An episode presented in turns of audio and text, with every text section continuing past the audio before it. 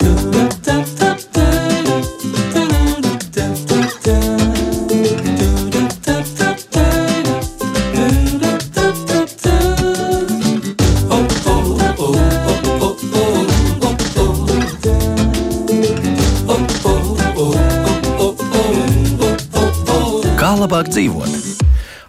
ievērojams Marta pirmās piekdienas? Izrādās tieši šodien bez kautrēšanās variet droši teikt pateicības vārdus saviem darba kolēģiem. Jo Marta pirmajā piekdienā, tātad reizi gadā, tiek atzīmēta darbinieku padarītā novērtēšanas un atzinības izteikšanas diena. Un nav jau tā, ka tikai priekšniecībai un vai arotbiedrībai darbiniekiem jāuzsit uz pleca, bet arī kolēģi var veltīt labas pateicības vārdus citiem kolēģiem. Tāpēc paldies mūsu operatoriem, šajā gadījumā Katrīnai Brambergai un arī visiem pārējiem mūsu operatoriem, kas šobrīd atpūšas. Arī pateicība Loretai Bērziņai un pateicība arī visiem pārējiem Latvijas radio kolēģiem, jo ir prieks strādāt iestādē, kur tiešām ar kolēģiem var labi sadarboties un dzīvot draudzīgi. Jā, un paldies klausītājiem! Īpaši tiem, kas sūta savus jautājumus un pārdomas, jo netieši arī jūs esat raidījuma veidotāji, tātad zināmā mērā kolēģi. Paldies par kopā būšanu. Bet tagad gan pie lietas. Raidījums kā labāk dzīvot kopā ar jums. Un cilvēkam ir aptuveni 350 locītavu, un katra no tām var sāpēt. Kāpēc sāp locītavs un kā ar sāpēm tik galā? Par to šodien raidījumā. Man studijas viesis - traumatologs, ortopēds, osteopāts Girds Bērziņš. Sveicināti! Dien. Un eh, ķirurgs osteopāts Andris Zemīts. Sveicināti! Dien. Un tā, varbūt sāksim ar to, ka nu, tā tās sāpes, cik es saprotu, izlasīt diezgan daudz dažādas materiālus, locītavās ir visdažādāko iemeslu dēļ. Ko mums uzreiz vajadzētu atmest, par ko mēs šodien vispār nerunāsim? Sāpju iemesliem. Grūti tā pateikt. Tā ir zemīs. Jā. Iemesli var būt ļoti daudz un ļoti dažādi no, jeb, no jebkuras sfēras. Jā. Es nevaru tā pateikt, ka no tā nesāpēs. Ja mēs nodarbojamies teiksim, ar šo te osteopātiju, kas ir kā biomehānisko sakarību, biodinamisko sakarību medicīna, tā ir sakarību medicīna, kur viena problēma izraisa attālumā no tās kaut kādas citas problēmas, un tas var radīt sāpes. Tāpēc es nevaru atbildēt uz šo jautājumu so absolūti noliedzoši. Jā, tad, tad joprojām mums šīs stundas laikā būtu jārunā par pilnīgi visām iespējām, jā, kāpēc sāk sāpēt. Jā, jā. jā. Un, varbūt mazāk par reimatiskām sāpēm kas netik daudz ir mūsu kompetencē, jā. kur vairāk reumatologa būtu daudz, daudz vairāk varētu pastāstīt par to. Jā. Jā. Jā. Tāpēc sāksim ar ierakstu uzreiz. Daktere Anna Kadiša ir ārste jau trešajā paudzē. Viņa ir ārste reumatoloģija un vispirms stāsta par trīs galvenajiem iemesliem, kas izraisa kaulu, locītavu un saistāvdu slimības. Viņu uzklausīja Daina Zalamana. Klausāmies! Viens iemesls ir um, skeleta anatomiskas anomālijas vai traucējumi, piemēram, dažāda garuma kājas, plakanā pēda, skolioze, kas ir mugurkaula deformācija. Ja ir šie anatomiskie traucējumi, tas var radīt sāpes locītavās, kaut tur nav nekāda primāra patoloģija pašā locītavā. Otrs lielais bloks ir locītavu deģenerācija, jo tā vienkāršiem valodā sakot, locītavas nodilums. Un locītavas nodilums skar mūs pilnīgi visus. Konkrētā vecumā biežāk tas būs pēc 50 gadu vecuma, Nu, un tad vēl daudzām citām blakus slimībām, kas var veicināt um, kaulu vielmaiņas traucējumus, piemēram, osteoporoze, cukurdibēts, cita veida slimības, piemēram, hemohromatoze ja, un citas. Tad tās ir tās slimības, kas arī var veicināt locīto vilmēņas traucējumus. Kā rezultātā var attīstīties vecuma pārmaiņas locītavās. Nu, un arī man jāsaka, locītavas mums visiem lēnā garā nodils. Uz, uz kājām mēs staigājam un dažkārt skrienam. Ja, un tas ar laiku veicina nodalumu. Un trešais lielais iemesls ir artrīti. Tas ir iekaisums locītavās. Biežāk par artrītiem mēs runājam kā par autoimūniem artrītiem. Tas nozīmē, ka tas nav kāds konkrēts iemesls, bet tas ir vairāku faktoru kopums, kas izraisa cilvēka imūnās sistēmas darbības traucējumus, kad cilvēka organisms pats sevī sāk uzturēt iekaisumu ja, un radīt attiecīgi sāpes, pietūkumu, stīvumu konkrētās locītās. Kopumā man jāsaka, biežāk vecāku gadagājumu cilvēkiem sāp locītavas, bet, protams, tie iemesli ir pilnībā atšķirīgi. Ja, tas ir uh, uzdevums numur viens noskaidrot, kas ir iemesls sāpēm locītavās. Ārste Anna Kadiša stāsta, ka saslimšanu ar kaulu un locītavu slimībām ietekmē ģenētiskie faktori un visbiežāk slimo sievietes. Tas ir saistīts ar sievietes dzimumu, tad arī X chromosomām, kuras mums nenosaka tikai dzimumu, bet uh, tās ir atbildīgas arī par dažādiem imunoloģiskiem procesiem uh, sievietes organismā un arī dzimumu hormonu darbība. Ja, jo tieši reproduktīvā vecumā biežāk ir sastopamas dažādas autoimūnas slimības, kas var radīt arī autoimūnu artrītu. Savukārt menopauzes vecumā, kad samazinās estrogēna daudzums, tas atkal veicina locītavu virsmu pastiprinātu deģenerāciju. Ļoti liela loma ir iedzimtībai, gan ja mēs runājam par um, kaulu locītavu nodilumu dzīves laikā. Tur gan iedzimtība, gan profesija, gan uh, dzīve mums, gan blakus slimības, šis viss komplekss to ietekmē.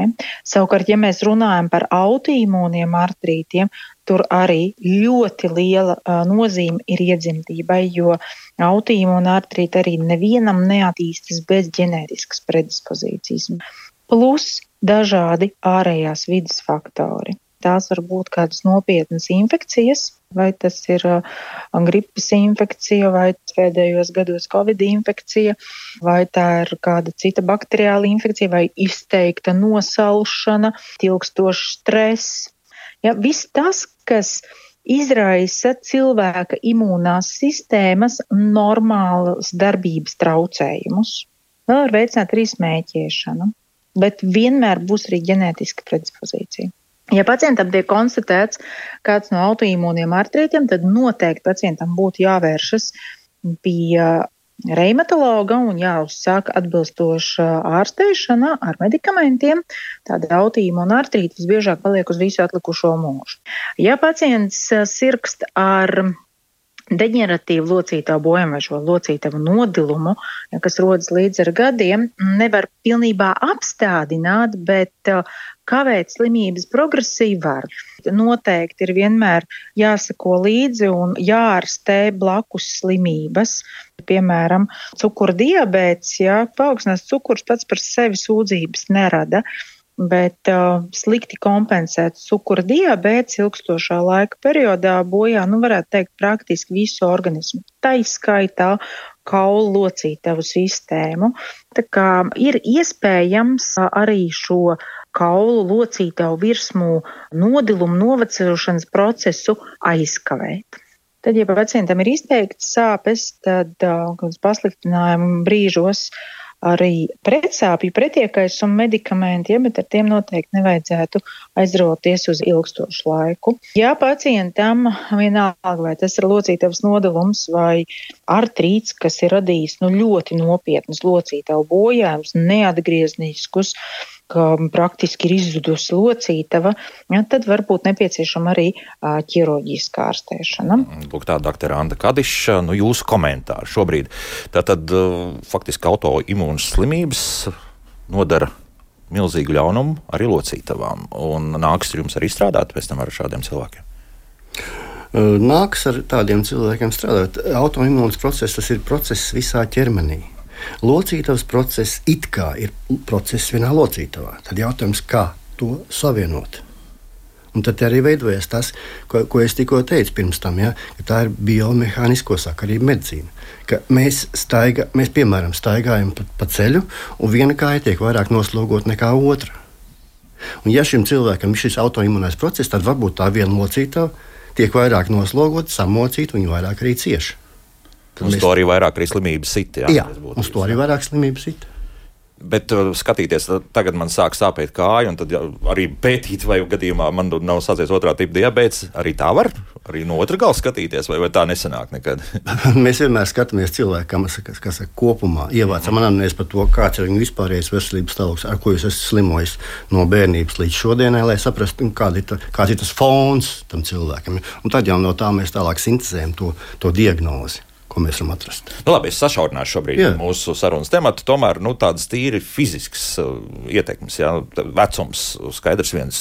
Ejam, staigājam, ar skriešanu nodarbojamies, vēl kaut kādiem fiziskiem vingrinājumiem, kurus, kā izrādās, bez tiem mēs vispār dzīvot nevaram.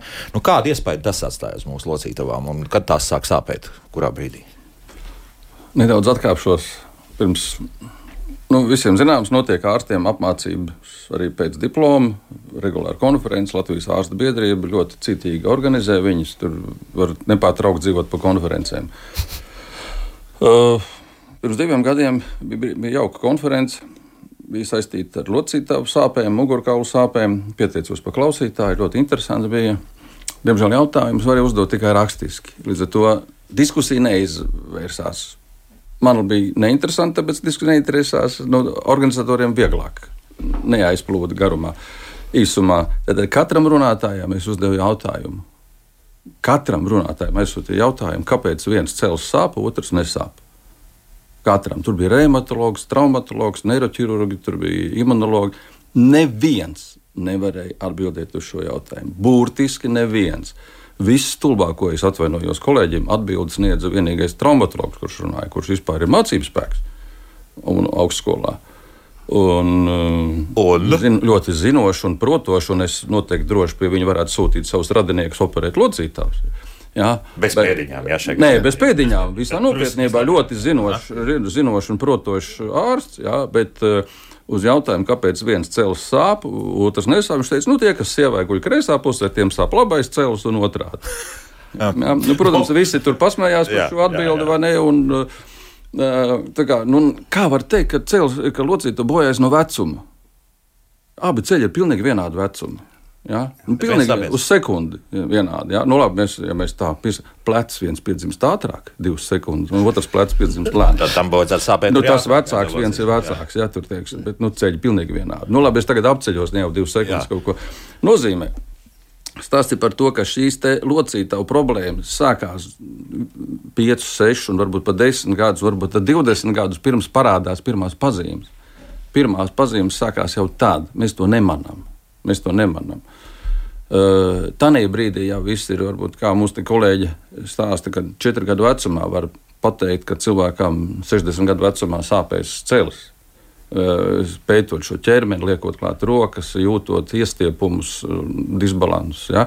Tā galvenā tēze, ko es tagad esmu pilnīgi pārliecināts, es varu likt roku ugunī par šo tēzi, ir šāda, ka mēs uzskatām, ka cilvēkam sabojās locītājs un tāpēc viņš paliek šķīps. Un es saku, ir pilnīgi otrādi. Viņš paliek šķīps, un tāpēc sabojājas locītājs. Un tas ir tas izējas punkts, ar, ar ko mums, mūsu medicīna Jā. atšķirās no tradicionālās medicīnas, kas ārstē jau šo locītavu sāpes kā sekas, tad, kad jau viņas ir sākušās sāpēt locītavu. Bet tad ir jāpaceļ rokas un viss, mēs nē. nokavējuši bērnībā un cauri ir. Nē, tā gluži nav. Tā gluži nav. Jā, mēs esam daudz ko nokavējuši, un tāpēc arī katrā pasaulē katru gadu tiek miljonus locītavus nomainītas. Ja, un ir jau brīži, kad vairs neko nevar izdarīt. Ja, bet, bet mm -hmm. Man ir bijuši cilvēki, kas saka, man ir eh, pacienti, ja, kas atnāk un saka, man ir ieplānota locītā operācija. Es esmu dzirdējis, ka jūs tur kaut ko nodarbojaties ar osteopātiju. Varbūt man izglābt varat. Nu, nē, es, protams, nevaru vairs izglābt. Es nevaru vairs izglābt. Par ko mēs pārsvarā runājam? Par gūžu locītavām? Jebko, cēlis, gūžu. Es tūlīt runāšu par gūžu locītavām. Jā, jā, jā, jā. Nu, man, jā. man mīļākais ir cēlis, par cik tas bija diploma darba tēma. Es ļoti plaši izvērsu par šo šīs sakarības, kur tas sākās jau Niera rajonā, viss tas šķībums. Tieši tā. Jā, un, un, un varbūt man kolēģi, traumatologi, varbūt šobrīd dusmojās, ka es tā runāju, bet uh, mēs runājam par divām dažādām lietām. Jā. Viena lieta ir ārstēt locītavu, kas šobrīd mūsdienu metodas ir brīnišķīgas. Viss, ko dara, ārstē saslimšanu. Jā. Osteopātija pēc savas ideoloģijas ir bijusi cita. Mēs neārstējam saslimšanu, mēs meklējam cēloni. Un tad, kad mums izdodas to cēloni, nu, ja nenovērst, tad samazināt, tad tas ķermenis pats brīžiem tiek galā ar to. Uh, problēma ar šo saslimšanu. Tātad, jā. principā, vēl atpakaļ var kaut ko dabūt. Jā? Vismaz pārtraukt, samazināt šī traumējošā spēka ietekmi. Kas arī nav maz. Kas arī nav maz. Jo ir tie, ir tie gadījumi, kad cilvēkam nomaina ceļu locītavu, ieliek mākslīgo locītavu, un viņam pēc divu gadu atkal sākās sāpes. Un tad viņš steigā pa pasauli un saka, šī tas ķirurgs ir slikts Viņš man nomainīja locīto, man turpina sāpēt. Bet Jo viņš nav. Tā problēma netika likvidēta. Tā pirmie iemesli problēma netika likvidēta. Jā. Jā, tā problēma ir cita, tā ir visā ķermenī. Bet, nu, labi, runājot arī par to pašu cēlu, nu, ja pieņemsim, tas menisks tiek saplēsts no sporta nodarbībās, nu, tad skaidrs, nu, tas iemesls Jā, mēnesis tad tiek ir- saplēsts Jā. sporta nodarbībās, tas ir pilnīgi cits stāsts. Pilnīgi cits tas stāsts, ir pilnīgi jā. cits stāsts. Mm. Ir, es strādāju par tiem cilvēkiem, kas iet pastaigāties un tad saplēš cēl, e, menisku. Respektīvi, bez kaut kādām Bez kādām redzamām lielākām fiziskām slodzēm, Pat, kas- patiesībā, ja cilvēks saplēš menisku pietupjoties no, rī, no rīta pēc čībām, izkāpjot no gultas, tas jau nav normāli. Tas nav normāli un, un tas nav maz. Tas nav maz ļoti bieži cilvēki šādi. Jo mani pacienti, es neesmu sportārs, mani pacienti ir. Nu, es nedrīkstu tā teikt, veco tantiņu ārsts, tas nesmugs skan, bet es esmu pusmūža nesportisko cilvēku ārsts. Un tur viss Man- ir labi redzams. Un tur viss ir labi redzams. Tāpēc man ir, nu, katrā kabinetā jau sapulcējās tie pacienti, ar kuriem mēs tā kā mīlam un mēdzam nodarboties. Tāpēc man ir grūti pateikt, cik daudz ir reumatisku pacientu. Proporcionāli, protams, var lasīt statistiku un, un spriest, ja, bet tomēr ir pierādīts, ka nu, no teiksim, ceļocītavas sāpēm vismaz trīs ceturdaļas ir šādas te. Šķībuma izradī, izradītās sekas, un viena ceturdaļa, varbūt vai pat vēl mazāk, ir tikai iekaisīgas dabas, kas ir tīri reumatologa kompetence. Jā, nu, mājaslapā uzreiz bija jautājums, nu, kāpēc cilvēks tad paliek šķīps. Nu, tas ir tas garais stāsts. Jā. Tas Oh, ir garais. garais stāsts, jā, Es pastāstīšu no otras puses. drusku. 9 minūtes līdz mūzikai. No otras puses, ja. es veicu nelielu statistiku. Man ir labs kolēģis strādāt uh, slimnīcā, kur operēja gūžas locītājus. Tātad man bija iespēja redzēt vēstures tiem pacientiem, kuru operācijas jau ir uztaisītas. Un veiksme bija tā, ka viens, teiksim, tā, viens ķirurgs, viens anesteziologs un re- redzēja to slimības vēsturi. Es izstudēju 400 vēstures. ļoti lielai da- 70% apmēram no šīm vēsturēm pacientiem bija anamnēzē bijušas iekšķīgo orgānu slimības, operācijas. Aklā zarna, ginekoloģija, žultspūslis, eh, arī eh, aknu iekaisums, hepatīts un tā tālāk. Ļoti liela daļa no šīm pēc šīm problēmām, pēc 20, 25 gadiem, attīstās koksartroze. Tas ir gūžas artroze, kura ir jau izoperēta šiem 400 pacientiem. Pat uh, it kā nelielā aklās zarnas operācija var izraisīt. Ja mēs paskatāmies anatomiju, aklā zarnas vieta un gūžas locītava ir nepilni 5 cm viens no otra. Aklās zarnas operācijas ķirurģijā skatās strutēnā operācija. Tas nozīmē, ka ir daudz iekaisuma, daudz sauguma, pēc tam daudz sauguma velk, un šī vilkšanas reakcija aizvelkās arī cauri kaulam līdz locītavai. Un tad ir paiet 20 gadi, un ļoti iespējams, ka šī, ka šī gūža tiks operēta. Un tas nozīmē, ka 20 gadus tu esi dzīvojis ar iekaisumu. Nē, tas ir pēciekaisuma augumu stiepšanas reakcija. Tāda, ja? Jā, Jā, tas nav nekāds sakars ar iekaisumu. tas kādreiz ir Iekaisums bija, viņš tika izsākts. jāpiesaka, ir, kad es to stāstu pacientiem, pacientēm. Par šo stāstu ne, nevar būt ne pārāk veiksmīgi izstāstu, un, un, un pēc tam nākošā vizīte atnāk lepni paceltu galvu. Paziņot, es biju pie ginekologa, un es biju pie urologa, un man tur viss ir kārtībā. Tā kā- Iekaisuma nav. Šobrīd. Jā, tā kā doktori, jūs tur aplabības runājat. Jā, Jā, jā, jā. Bet es saku, tieši tā stāsts ir par to, kas bija pirms 20 gadiem. Ā, Pirms 20 gadiem gāju uz randiņu. Mamma teica, velc bumbērens, kurš tā velk bumbērens uz randiņu. Ziemeļvēja pūta, tramvajs nenāca. Pēc tam trīs dienas skrēja biežāk pačurā. Un tam mums bija viena brīdi mode, kur bija pliks muguras. Jā, Tas mugurs vēl jau vairāk, jā, un tas, un tas To mēs vēl redzēsim vēl pēc To 10, mēs 20 redzēsim vēl gadiem. pēc gadiem. Jā, un tā tad ir šīs U, u. te rētiņas, sīkās rētiņas. Tās tur saglabājās visu mūžu. Un tās vāk cilvēku čokurā. Nu, varbūt ne burtiski, bet nu, tā, tā saprotami viņas vāk čokurā. Un tas čokurs aiziet pa visu ķermeni, pa saistaudu sistēmu. Saistaudu ir tie, kas nosaka šo te locītavu. Nu, un tad, ko tad tādā gadījumā darīt? Jūs jau kā osteopāti tur netiekat klāt. Fizioterapija, fizioterapija, vingrošana. un Mēs tiekam klāt. jā. Nav. Mēs tiekam klāt. Mēs tā, ar tās, tām rētām var ļoti labi strādāt. Bet tad ir jāsāk strādāt faktiski no, ne gluži no pirmās dienas. Bet, Tūlīt pēc tam, kad iekaisums ir izārstēts. jā, Bet jeb, pēc jebkuriem iekaisuma veidojas rētas. Vai mēs sagriežam ādu, vai mēs tur iekšā veicam iekaisumu. Ja? veidojas iekšējās rētas, kurš tāpat velk. Viņas ir cietākas nekā attiecīgi jauda tajā vietā. Un viņas velk. Paskatīsimies Un uz citu saslimšanu. Smēķētājs. Ja mēs izdzērbjam pliku smēķētāju, kurš smēķē 30 gadus, mēs redzam virs atslēgas kauliem tādu bumbulīti. Bieži vien Lielākā daļa smēķētāji. Tās ir plaušu galotnes. Viņas ar aci kļūst redzamas. Ja mēs zinām, kur skatīties, protams. Ja. Tas nozīmē, ka viņam ir hronisks bronhīts. Ja viņam ir hronisks bronhīts, viņam plaušu saknēs ir sast, sarētojums. Tas sarētojums velk uh, uz priekšu visu ķermeni. Aiziet pleci uz priekšu, galvu uz priekšu. Lai gan tas ir notiek arī citiem iemesliem arī kantora darbā strādājot, arī tā notiek. Ja. Un tad nav brīnums, ka pēc 30 gadu smēķēšanas sāk sāpēt pleci. Un ne tikai sāpēt pleci, viņi pat pārtrūkst uh, virsšķautnes muskulis, kurš ir viens no rotatoriem. Viņš pārtrūkst, viņš ir jāsākas ķēdes reakcija. Jā, tieši tā. Jā. Un, un, un, un kā, es jau neko, man neviena operācija nav. Man pat neviens ploškarsons nav bijis. Bet, bet viņš kroniski smēķē. Smēķējis, jā. Jā? Un, un, un, un, un tu liekas, kādas saistības smēķēšanai ir plecs locītava. Jā, mēs zinām, ka smēķēšana ir kaitīga plaušām, sirdī, asinsvadiem, bet lūk, arī locītavām arī locītavām, un tas ir tiešā tuvumā. Plecs locītava atkal ir 5 cm no plaušas. No plaušas. Nu, varbūt bišķi vairāk. Nu, Bet... varbūt bišķi vairāk. Un tā, doktor Zemīt, balstoties uz jūsu mazo pētījumu, tas nozīmē, ka apmēram 70% gadījumu, ja viss būtu pareizi darīts pirms tam, tad gūžas operācijas nebūtu vajadzīgas. Vai nu, Es tā nevar gluži nu, teikt? tā ja? gluži balts melns nebūs. Nebūs, jā. nebūs ja? Bet Bet stiprs es domāju, ka ja pēc šiem te iekaisumiem, aklāzēnas un visiem citiem cilvēks pēc tam agrīni sāks kustēties, eh, stiepjoši vingroši no tālāk, daudz mazāk šīs operācijas būtu notikušas. To var apgalvot gan. Es pilnīgi piekrītu. To var apgalvot. Eh, jā. Ir operācijas, pavērsās jauna pasaule. Jūs ir, saprotat, ir, operācijas, sapulcis, jā, jā, ir operācijas, kuras nevar neizdarīt. Jā, jā. Ķēzargrieziens, piemēram. Nu, Vajag. Aklā zemes Absolūti. operāciju Nu, kā, vajag. nu, cilvēks nomirst, viņam neizoperē aklo zarnu. Nu, bērnam ir jāpiedzīvo. Nē, ne, par to vispār nav stāsts. Saglabāt, jā. Nedod Dievs, tagad mēs Jā. sāksim stāstīt Nē, par to, ka nē. neiet uz Tas operāciju, tāpēc, ka pēc tam jums locītavs. Jā, jā, tieši tā, jo tas ne, obligāti nenozīmē, ka jums sāpēs locītājs. Jā? Bet ginekologam, kurš uztaisīs ķēzagriezienu, kad pacienti iet mājās, vajadzētu pateikt, jā, bet jums tagad sadzīs tur tā reitiņa, jā, un pēc Jums kaut ir kādiem pāris mēnešiem jums jāsāk vingrot. Jums jāsāk vingrot, jo citādi jums pēc 20 gadiem sāpēs ceļi.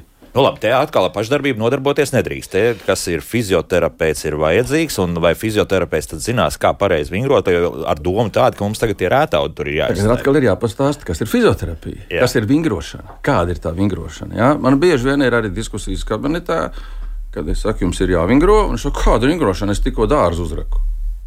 Jā, vai Jā. Jā. es katru dienu nostaigāju 10,000 soļus, ruku telefonā, man ir soļi uzskaitīti, viss ir jā. kārtībā, es uzstaigāju. Bet kur ir tas noslēpums?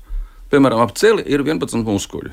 Plus vēl 4 adduktori, kas līdz celim neaiziet, bet nu, nepārprotami ietekmē ceļu locītavu. Tad, tad kopā 15 muskuļi, kas ietekmē ceļu locītavu.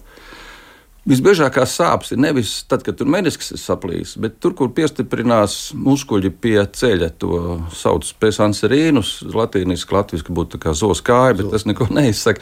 Ne tā kā zem ceļa iekšējā malā ir tā, tāds pauguriņš, tāds, kur parasti ir visstiprākās sāpes tieši tādā. Ja? Tur piestiprinās daži no muskuļiem. Un ir tā nelaime, ka viņi uzņemas visu slodzi.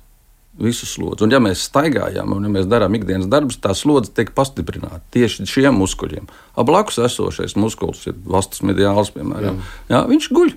Viņam nevajag strādāt. Tie muļķīši strādā. A, Viņi kliedz balsi. Viņi jau, nu, es nevaru vairs, es sāpēšu tagad. Jā, es tā piestiprināšu kaula, viņa tiek plēsta nost, es tā muskuļu pārpūstu. Vienmēr strādā arī naktī. brigāde, jā, viens strādā, pārējie Tieši tā. Un, un, un jūs, ja jūs ikdienā rokat tur dārzu vai skrienat vai lecat, vai ne, jūs nevarat piespiest tam muskulim nestrādāt, jo viņš ir pieredzējis strādāt. Un tieši fizioterapeits ir tas, kurš pasakā, ah, rekur tev tas vastas mediāls nestrādā. Un rekur ir vingrinājums, Un ka tas vastas Fizioterapeits konkrētam muskulim dod konkrētu darbu. Jā, un tad tas nogurušais muskulis beidzot saka, paldies, nu es tā kā varu, man beidzot. Nu, labi, un tagad, ja mēs varam izstāstīt, kāds būtu vienkārši vingrinājums visiem tiem, kas tiešām nodarbojas tikai ar to, ka nostaigā tos savus, nu, labi, ne pat 10 tūkstošus soļus, nu, 7 tūkstoši, kā tagad, tagad pēdējais, ko esmu dzirdējis, 7 tūkstoši soļus. Kas būtu jādara? Nu, es kā ceļgalā ārsts teiktu, nevajag staigāt, vajag braukt ar velosipēdu. À, Protams, jā, jā, jo velosipēdu braucot, ir nav gravitācija, un muskuļi atrod to līdzsvaru. Nu, tas ir vienkārši. Protams, ja mugura to ļauj. Un, ja mugura to neļauj, tad vēl ir trenižieris, kur var uzcelt stūri tik augstu, cik vajag. Kaut gan mūsu nu, pat Guinness rekordists, velotrenažieris, atvainojies, vēl braucējs Kaspars Škins, ierakstīja pats X, ka, ka ir iztērējis 1200, ja nemaldos, eiro veselības uzlabošanai pa- pagājušajā gadā. Jā. no, Nē, nu, Jā, jā, tas nu, ir cilvēks, jūs braucat? Nu, cik- un kādā, ja jūs liekat liels un dažādi tā negatīvi. ir kardio treniņi, saucamie, ja, kad Jā. uzlabo savu fiziskās veselības, ja, fiziskās spēka, nu, izturības treniņi. Jā, jā. Nu, tur atkal pārmērības. teiksim, Jā, protams. jā, kur, kur Bet nu, jā. ceļgali vispār vingrojumi ap ceļgali jau sākas guļus un nelocot ceļu vispār. Paceļot taisnu kāju, bet ar veselu virkni nosacījumu. Piespiestu muguru, ievilkts vēders, dziļa elpošana, neizlaižot vēderu arī izelpā, kas jau ir ļoti grūti, kamēr tu iemācās. Jā. Tad pēdas pacelšana gaisā, un tikai tad, kā ailēnām tiek pacelt un izelpas brīdī. Tas viss ir jāiemācās. Bet, ja to iemācās un to oh. dara rītrosmas vietā 5 minūtes, tas jau ir milzīgs solis. Milzīgs solis, bet mēs to neizdarām. Tas ir garlaicīgi, un rezultāts jau nav tūlīt. Rezultāts ir pēc vairākiem mēnešiem, jādara katru Varbūt pat gadiem, dienu. jā. Jā, varbūt pēc gadiem tieši tā. Un, un to galvenais, ka rezultāts arī mēs varbūt Ļoti. neuzzināsim, ka Jā, ļoti. esam izvairījušies kā, no būtu, ja, nepatikšanām. kā jā? būtu, ja nebūtu? Ja cilvēks kā ir būtu, ja viņam saka, tev ir visu mūžu jāvingro.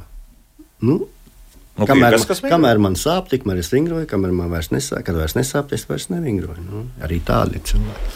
Nu, pat man pavērās tiešām jauna pasaule patiesībā. Nu, viss palika sarežģītāk. Saistaudu loma locītavu patoloģiju attīstībā ir diezgan nenovērtēta. Bet tam ir arī vēsturisks izskaidrojums. Jo. Kā sākās anatomija? Vārds anatomija, ko nozīmē? Anatomija nozīmē priekšā tulkumā es griežu. Un Tad ķirurgs pakluso, nezinot, neļaujot baznīcas tēviem, nezinot, i- izgriez, kā, gribēja apstīties, kāda izskatās kuģis. Ko viņš darīja? Viņš atgrieza līķim. Izgriez kuģi. Viņš izgriez citu orgānu, izgriez to orgānu un pētīja viņu. Pa kurien viņš grieza? Viņš grieza pa saistāvdiem. Tad, tad saistaudu, godīgi sakot, tika pētīti, sākti pētīt, vispār pamanīti apmēram 200 gadu pēc tam, kad anatomija bija sākusies. 200 gadu laikā anatomija šķai, eh, saistāvta, tika šķaidīta kā pilnīgi nu, tukšums, tur nekā nav. Bet, ja mēs paskatāmies no cita viedokļa, tad tieši saistāvdi ir tie, kas satur mūs kopā. Tā ir pamata, pamata audi mūsu ķermenī. Pamata audi. Un, ja saistāvdus nepamana, tad, tad nekas nav skaidrs. Tad, jā, tad mēs pētām kuģi, tāpēc ka kuģis sāp. Vai, vai sākām celi, tāpēc ka celis sāp. Ja? Bet tas nepaskaidro neko. Bet apkārt ir saistāvdi, kas novieto šo te, uh, orgānu vai locītavu attiecīgā uh, telpā. Viņi novieto pareizi. Tad, tad viss tas novietojums ir tāds. Ir vēl viena analoģija. Ļoti, man ļoti Jā. patīk šo stāstīt. Ja? ja jūs aizbraucat uz autoservisu ar vienu nodilušu riepu, vienu. Pagājušajā gadā nopirkāt jaunus riepus, un tagad viena ir nodilusi. Es braucu uz servisu, jums to riepu nomaina, un saka, viss ir kārtībā, brauc tālāk. Nu, jūs tā Pēc neticēsiet. diviem mēnešiem atpakaļ. Pēc Jā. diviem Nu, mēnešiem. redziet, jūs teiksiet, paga, paga, veči. Virzīt vajadzētu uztaisīt. Nu, vai ne? tieši. Redziet, Jā. to jūs tagad saprotat. Jā. Bet cilvēkam, kad pastāsta par veselību, tad viņam tās savirzes problēmas ļoti svešas. Nu, jā, nu, cilvēkam arī savirzes. divas šaibītas neuzliks. Jā. Jā, kā mašīna. Redz, tā ir iepaļ labi redzēt, ka tu to nodilumu. Jā. Gūžas nodilumu mēs sajūtam tikai kad. Tikai pēc 20 gadiem. Jā. Tur jau tā lieta. Laiks pārdomām un jautājumiem, mūzika, un pēc mūzikas turpināsim mūsu sarunu šeit studijā. Kā labāk dzīvot? Jā, šodien mēs par locītavu sāpēm runājam. Šeit studijā traumatologs, ortopēds un osteopāts Girds Bērziņš un ķirurgs osteopāts Andris Zemītis. No, esmu izdzirdējis daudz ļoti interesantas lietas, kas agrāk varbūt nemaz netika dzirdētas. Jā, tā tad faktiski mēs uh, secinām, ka locītavu sāpes nāk no tā, ka mēs daudz ko savā dzīvē esam faktiski vai nu palaiduši garām, vai neesam izdarījuši līdz galam, arī pēc ķirurģiskām operācijām, kā izrādās, kas var parādīties vēl pēc krietniem gadu desmitiem. Un tas liek aizdomāties par to, ka tiešām nu, multipli jāskatās uz mūsu. Nekāds pārsteigums laikam tas nav uz mūsu organismu. Jā. Jā. Nu, tieši tā, bet arī gribētu piebilst, ka osteopātija, protams, nav neaizvieto citas ārstēšanas metodas. Un, uh, uh, mēs varētu teikt, ka mēs papildinām vienu otru. Ja? Uh, es noteikti nesaku, ka nevajag operēt locītājus. Es pats viņus operēju, un menisks plēsts, un visu kaut ko. Jā, ja tiksim, ir, ir menisks ir saplēsts, un viņš ķerās un skrāpē, tad ir viņš jāizoperē. Un, ja plecam savu virsšķautnes muskulis, kas ir viens no rotatoriem, ir pārplīs, viņš ir jāsašuj. Un, ja karpalais kanāls ir saspiedzis nervu tā, ka nervs jau sāk atmirt, tad viņš ir jāsešu, jāatbrīvo tas kanāls. Un arī tenisijas talkonim ir, ja nekrotizēta cīpslas gals, ir, viņš ir jāizgriež.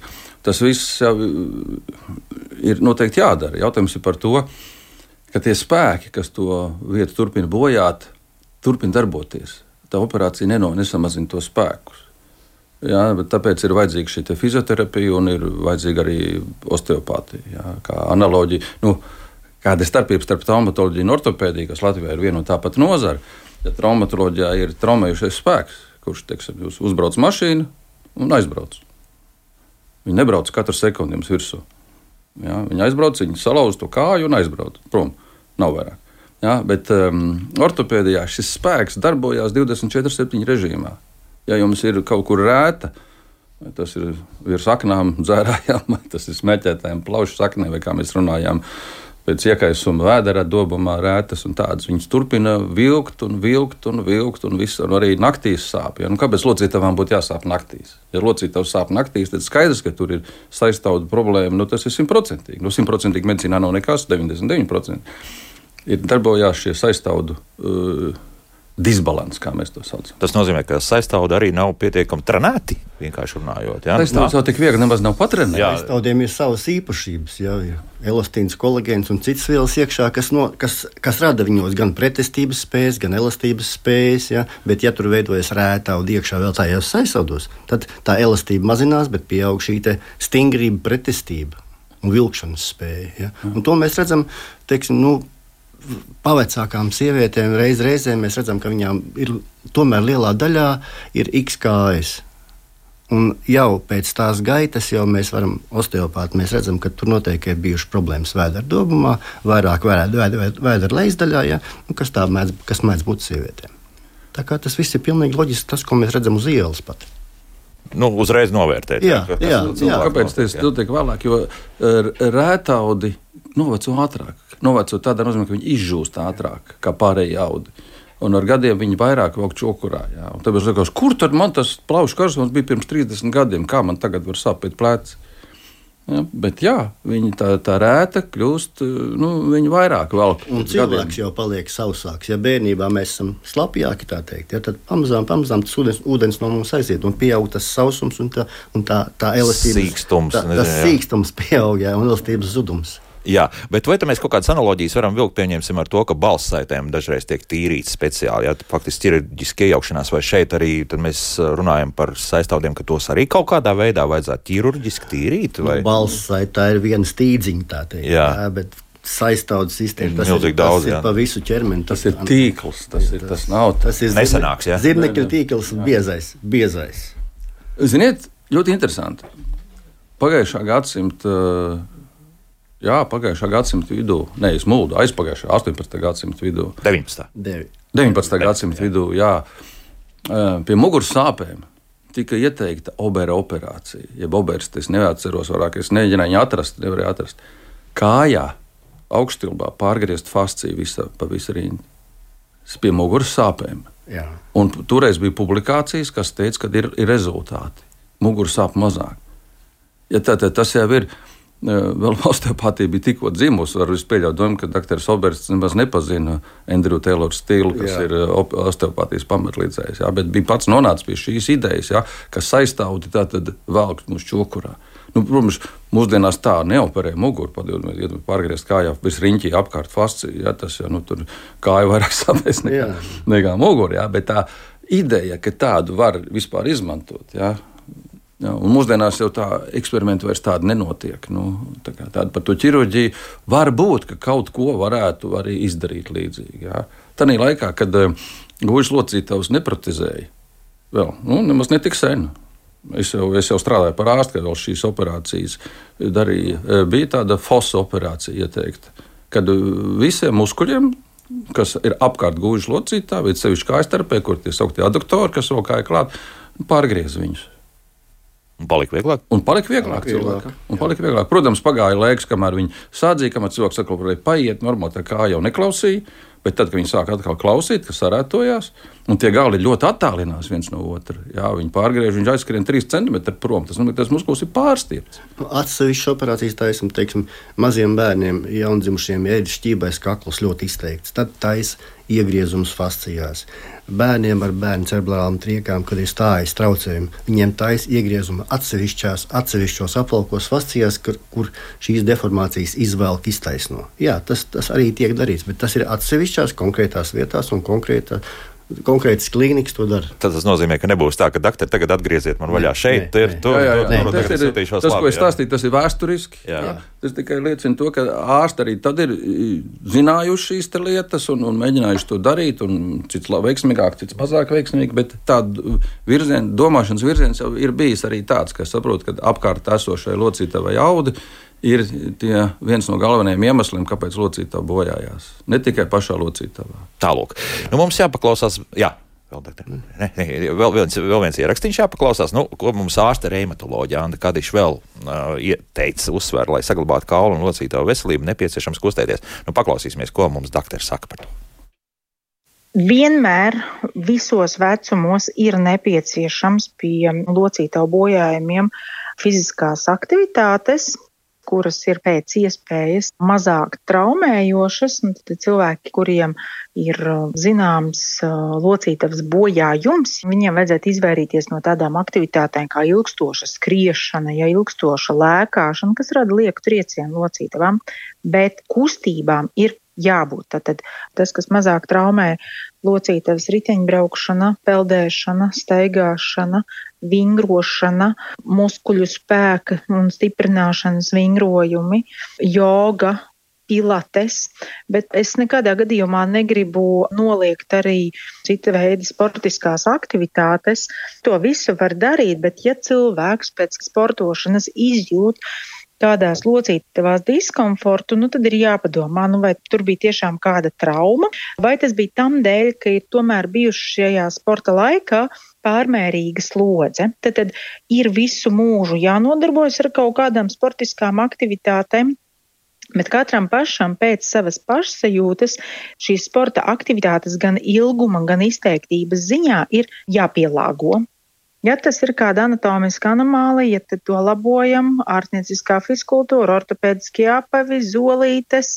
Stāstīja par to, ka mēs visi dzīves laikā drusciņi dilstam, jo mēs saigājam, kustamies un tās locītavas fiziski nodilst. Bet no otras puses, ja mēs tagad sevi tik super taupītu un uh, būtu izteikti mazkustīgi, tas arī nenāk par labu locītavām, jo tādā gadījumā locītavas veidojošās struktūras, apkārt esošie mīkstie audi slikti apasiņojas un kļūst atrofiski, vāji, vaļīgi. Un tas atkal rada sliktumu locītavām. Tādēļ pat dzīvi, jebkurā vecumā mums ir jākustās, bet tas viss ir jādara kā saka, ar mēru. Un tas mērs tas nav visiem kaut kā nosakāms, vienāds. To katrs nu, izjūt pats pēc savām spējām. Nu tā, jūsu komentāri. Es gribēju komentēt to, ka runa šeit ir par fiskultūru, bet runa ir arī par ārstniecisko fiskultūru. Arī pēc ārstnieciskās fiskultūras nāk pie manis cilvēki un saka, man pēc viņas ir sliktāk. Tas nozīmē, to, ka ir cilvēkam problēma, kas ir nu, nosacīti dekompensējusies kaut kādā stājas sektorā, ja, un kur šī fiskultūra varbūt vairs nu, saka, netiek klāta. Ja, tad mēs osteopāti to ņemam novērtējam, ja, un tad pēc mūsu terapijas ja, cilvēks atkal turpina ārstniecisko vingrošanu, un tad jau viņš atzīmē, ka tagad vingrošana man palīdz. Tas arī tā mēdz. Bet tas nozīmē, ka kaut kādas deformācijas ir tādas kaulos, ka. Jā, kad vairs varbūt netiek klāta. Bet, bet tomēr var tikt klāt. Ja? Nu, tas šis osteopāts ir tas starp etaps, varbūt, ja, kur mēs piekuriģējam to, nobalansējam cilvēku, ja, kad šī vingrošana viņam kļūst jau kā derīga. Mm -hmm. nu, jā, tātad jūs teicāt par velobraukšanu, un te man uzreiz arī pielaboja, tūlīt pateikšu, ka reko es sajaucu, ka Guinness rekordists ir Krišāns Ratiniks, bet ceļgala operācijas bieži veids Kaspars Hinč. jā, nu, tiesa apbrauc ar velo ļoti daudz, jā, nu tur par to stāst. Peldēšanu dzirdējām, jā? Mēs esam par. Jā, Tikai vienīgi. Tikai ja? peldēšana, nu, tur ir arī jā, lietas. kā galva tur, ir, stāv tur, ir jāzina, jā, tur Jā. jā. ir ar, ar, kā saka, ar, ar instruktoru jāpeld, tā teikt, kopā. Vismaz jāiemācās, jā, Jā, jā, jā. to pareizi darīt, un pēc tam jau paši var dar, darīt tālāk. Nu, bet um, arī jautā par to, nu, vai tiešām ar to skriešanu tad ir jāmet miers vai, vai nē. Nē, nē, nē, tā nav. Skriešana jāmet mieras ir konkrētām uh, ceļa locītājs problēmām, vai pēdas, vai gūžu locītājs. Tas nav. Skriešana ir laba lieta, un ja jūs to darat ar prātu un, un, un, un, nepārspīlējat, nu, tā kā jau visiem zināms, ka tā kā jau Andris teica, ka pusmūžā cilvēks atjēdzās, ka nu, ir kaut kas palaists garām, nu, tagad es gatavošos maratonam. Nu, nē, nu, tas ir. Protams, aplām. Jā, skriešanā nav nekāda vaina, bet, ja jums skrienot sāp ceļi, nu, tad nevajag skriet. Tas ir ļoti vienkārši. Jā, skriet, vajag jums veselības uzlabošanai, kāpēc ne? Jebkura vingrošana jums izraisa sāpes problēmas, pārtrauciet šo vingrošanu. Meklējiet cits, cits vingrošanas elements, cits veidus un, un tā turpiniet. Bet, ja man, piemēram, atkal kaut kur citur, nu, nezinu, ja tas ir pieņemsim kaut kādi nu, spēka treniņi un, un kaut kas tur pasāp, bet, bet vienalga es jūtu, ka tā muskuļu masa man labi turas vai pat pieaug, tad uh, jau ir vēlme turpināt to visu. Nu, par spēka treniņiem tas ir drusku atkal cits stāsts. Jā. Tur ir treniņu sākums, intensitāte intensitātes un viss tas, tas arī ir pie, pie instruktora. Viņš arī noteiks, tagad tu cel 5 kg, pēc nedēļas tu cels 10 kg un tā tālāk. Tas nebūs atsildīšanās. Jā, pats par sevi grēkojam. Latviešu sportisti visā pasaulē slaveni ar nemācēšanu atsildīties. Jā. Nepiekritīšu, nu vispār Labi. esmu redzējis, nu, tomēr ir, ir dažādi. Ir dažādi. Ir dažādi. Ir dažādi. Nu, traumējās musēja ļoti daudz. Ļoti daudz. Un es daudz, domāju, ka tā ir, nu, procentuāli, man liekas, ka vairāk. Un man liekas, tas ir komandu fizioterapeitu akmens viņu lauciņā. Uzdevums, jā. jā, jā tā kā. Nu, nezinu, basketbolisti kā tomēr tā atsildīšanās notiek vienmēr. Ļoti labi. Nē, nē, notiek, notiek. Es nesaku, ka nenotiek nemaz, bet nu, man kaut kā tāds iespējas ir, ka latviešu sportisti traumējās bišķi par daudz nekā vidēji Pie manis, vien, pie manis vien bija nācis tenisisti. Es, ne, varbūt tas bija tiešām sākuma etaps tenisistiem, jā, kur nu, negribētu slavēt šo sākuma etapu. Tātad... Tiešām problēmas bija ar stāju, problēmas bija ar šiem telkoņiem, pleciem, kas viņiem, kur tiešām jūt, ka ir vajadzīgs fizioterapeits blakus viņiem. Bet, doktor tā, tie bija um, profesionāli tenisisti vai, vai nu, tā amatieri, kas vienkārši nu, iet regulāri? Galīgi, galīgi amatieri tie vairs nebija. nebija. Jā, nebija jā. Tas bija kaut kāds vidus etaps. Nu, būsim godīgi, no daudzi pusmūža cilvēki aiziet paspēlēt basketbolu un pēc treniņa pļaka apsēžās uh, skarbtuvē, labākā gadījumā dušā, sliktākā gadījumā aliņš vai abi divi. Abi divi. un, un, un, un tur reti, kad tur vēl apskrien trīs aplīšus un, un, un izstaipās. Nu, reti, kad. Ko vajadzētu izdarīt? Ko vajadzētu, jā. protams, jā. jā. Un tad tas sporta veids katrā ziņā nāks tikai pa labu, jā, jā. bet nevis. Tad, kad tie trīs aplīši noskaidro. Un vēl izstaipīšana. Un izstaipīšana. Un izstaipīšana. Vēl izstaipīšana. Jā, jā, jā. jā. Starp citu, to, to ātri saprot, ka ar gužām kļūst problēmas, tad, tad visi sāk pēc tam atsildīties. Arī 44. gados. Jā. Tā, izskriesim cauri to, ko mums radioklausītāji rakstījuši. Nu, Silvija jautā, Um, virs 70 gadiem jau diagnosticēts osteoartrīts un um, ceļgalos kustoties ļoti liels sāpes, apmeklēja vairākus traumatologus, ortopēdus, bija blokādes un nu, kas tik vēl ne. Cik daudz jāizdara hialurēna skābes injekcijas, lai būtu kāds rezultāts? Ko jūs sakāt par tādām lietām? Hialurāna skābe ir ļoti labs preparāts. Hialurāna sulfāts arī jā, tā, tad preparāti ir dažādi. Ir lielmokulāri, mazmokulāri, viņi daudz dara labu darbu. Bet hialurāns hialuronātu preparāti uzlabo skrimšļa biezumu par milimetra desmitdaļām. desmitdaļām. Nodilis viņš ir pa milimetriem. Un otrkārt, ar šīm injekcijām vien uh, jūs nedabūjat šo līdzsvaru. Tas ir tas, ko mēs jau stundu runājām. Ja? Tas līdzsvars ne, neslēpjas locītavā, tas līdzsvars slēpjas saistaudos, kas varbūt aiziet līdz aknām un nieru rajonam. Tur tā problēma sākusies. Ja? Bez fizioterapijas īstenībā ārstēšana ir bezcerīga. Es negribu tik skaļi teikt, bet nu, tā tas ir. Ja? Jūs varat spricēt katru gadu. Ja?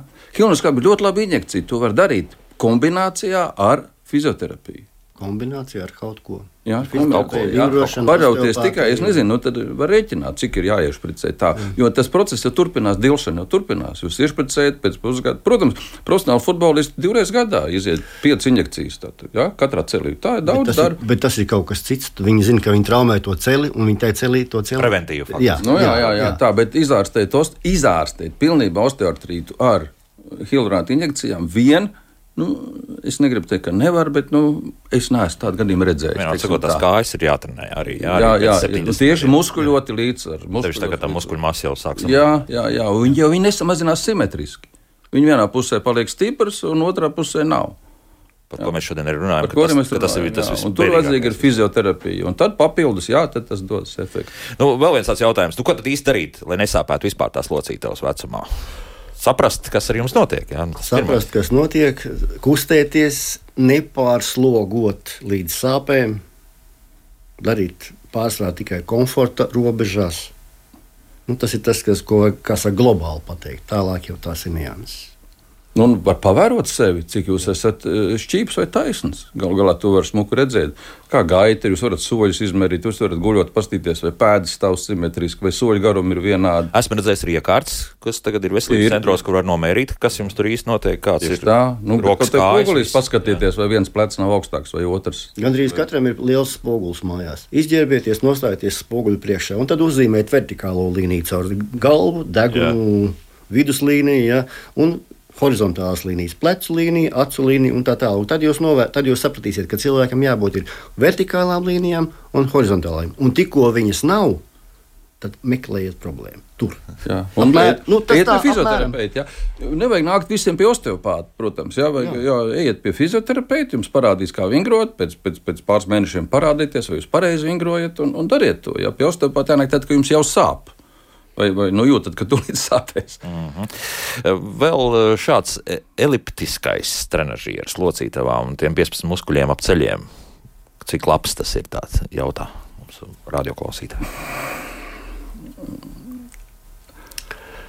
Jā, viņš ir labs, izņemot tad, kad ceļi jau sāp. Jo jums esat tomēr vertikāli uz kājām.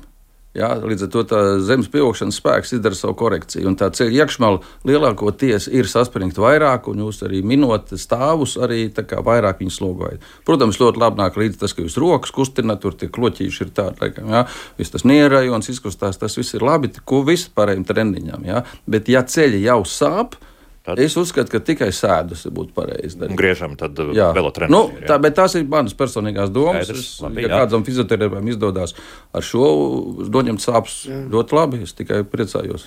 Um, par laimes slimības ietekmi jautā. Ir tāda. Nu, tas ir jautājums vairāk reumatologam. Tas, ir, tas ir jautājums vairāk reumatologam. Mm. Kad ir locītava pati slima, tas ir bijis citādi. Jā. Nu, protams, arī par autoimunās slimības uh, sīko asinsvadu vaskulītu var sāpēt ceļu locītos noteikti. Jā, jā protams. Jā, protams jā. Jā, jā, jā. Tā, kā ietekmē sastāvdu kāju vēnu operācijas? Vēja operācijas ir kļuvušas tik jau uh, tēmētas un tik jau intravazālas, kā saka, darbs notiek pašos asins vados, ja, kad nav vairs tā kā kādreiz bija krāva ārā visu pēc kārtas. Ja. Tā kā šīs operācijas kļuvušas ļoti saudzējošas. Līdz ar to mazāk uz vispār. Jā, noteikti jā, mazāk jā. ietekme, un tā audu barošanās, uzlabošanās ir nepārprotama. Ja varikozās vējas tiek izņemts ārā vai, vai tiek sklerotizēts, viņas noteikti eh, audu barošanās kļūst labāk, viņi kļūst veselīgāki. Jā, es ne, neko nevaru teikt. Protams, arī nu, jānovērtē, vai to vajag un cik to vajag, bet to jau vēja ķirurgi šobrīd dara. Nu, vēl viens jautājums pēdējais, mums, jo vairs nespēsim atbildēt, laiks mums arī beidzies, ir vai locītavu nodulums ir tieši proporcionāls noieto noskrieto kilometru skaitam? Noteikti nē. nē. Noteikti, Noteikti nē. nē. Nomierinājām klausītājus. Ja? Noteikti. Noteikti nē. Bet atkal, ja bet, mēs var, izdarām bet šķībumam, bet šķībumam. Var, var jau būt, ja tu esi pārlieku sportists, nu tas arī dod kaut kādu nodilumu. Protams, šie lielie sportisti, jā. Bet tālu pateikt, ka nē. Nu, es personīgi nepazīstu Čerbatiju. Man būtu liels gods viņu iepazīties kādreiz. Ja? Bet tos tonus, ko viņš ir pacēlis, ja? tas ir priekš desmit cilvēkiem. Viņi visu mūžu laikā nepaceļ to. Un es domāju, ka viņš, viņam locītājs ir stipri labākā stāvoklī. Bet līdz noteikumam, ka viņš nedrīkst pārtraukt celt. Viņš pārtrauks celt, tad, tad būs pagalam visu locītājus. Bet to viņš pats zina, cik es klausījos intervijas ar viņu, viņš to dara. Ja, tas ir tas līdzsvars un tā, tā kustība ir tas svarīgākais. Ja, ja jūs līdzsvaroti ceļat, Ja, un tā kā ceļš varcēlāji, neviens tam, kurš var pietupties ar paceltām rokām. Visiem vai nu aizkrīt rokas uz priekšu, vai nokrīt uz dibēm.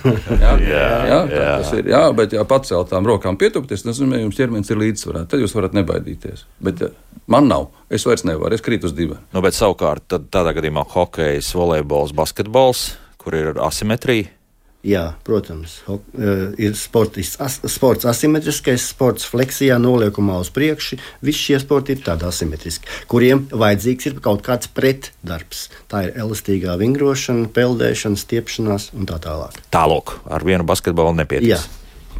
Šodien, jā. ja jūs atsildaties pēc tam ļoti prasmīgi, tad varētu arī pietikt. Nē, par tiem trīs uh, apļiem ap sporta zāli rītdien noteikti noskriešu. Mums rīt basketbola treniņš. Traumatologs, ortopēds, osteopāts Girts Bērziņš un ķirurgs osteopāts Andris Zemīts bija kopā ar mums. Paldies, kungi, par sarunu. Paldies, ka uzklausījāt. Lūk tā. Uh, pirmdien savukārt mēs runāsim par jauniešiem vairāk un par jauniešu iespējām dabūt labu darbu nu, tad tas raidījums skanēs pirmdien 9,5 minūtēs. Mums soli jauka nedēļas nogali, tā kā izkustamies atkal un jūtamies laimīgi. Tā.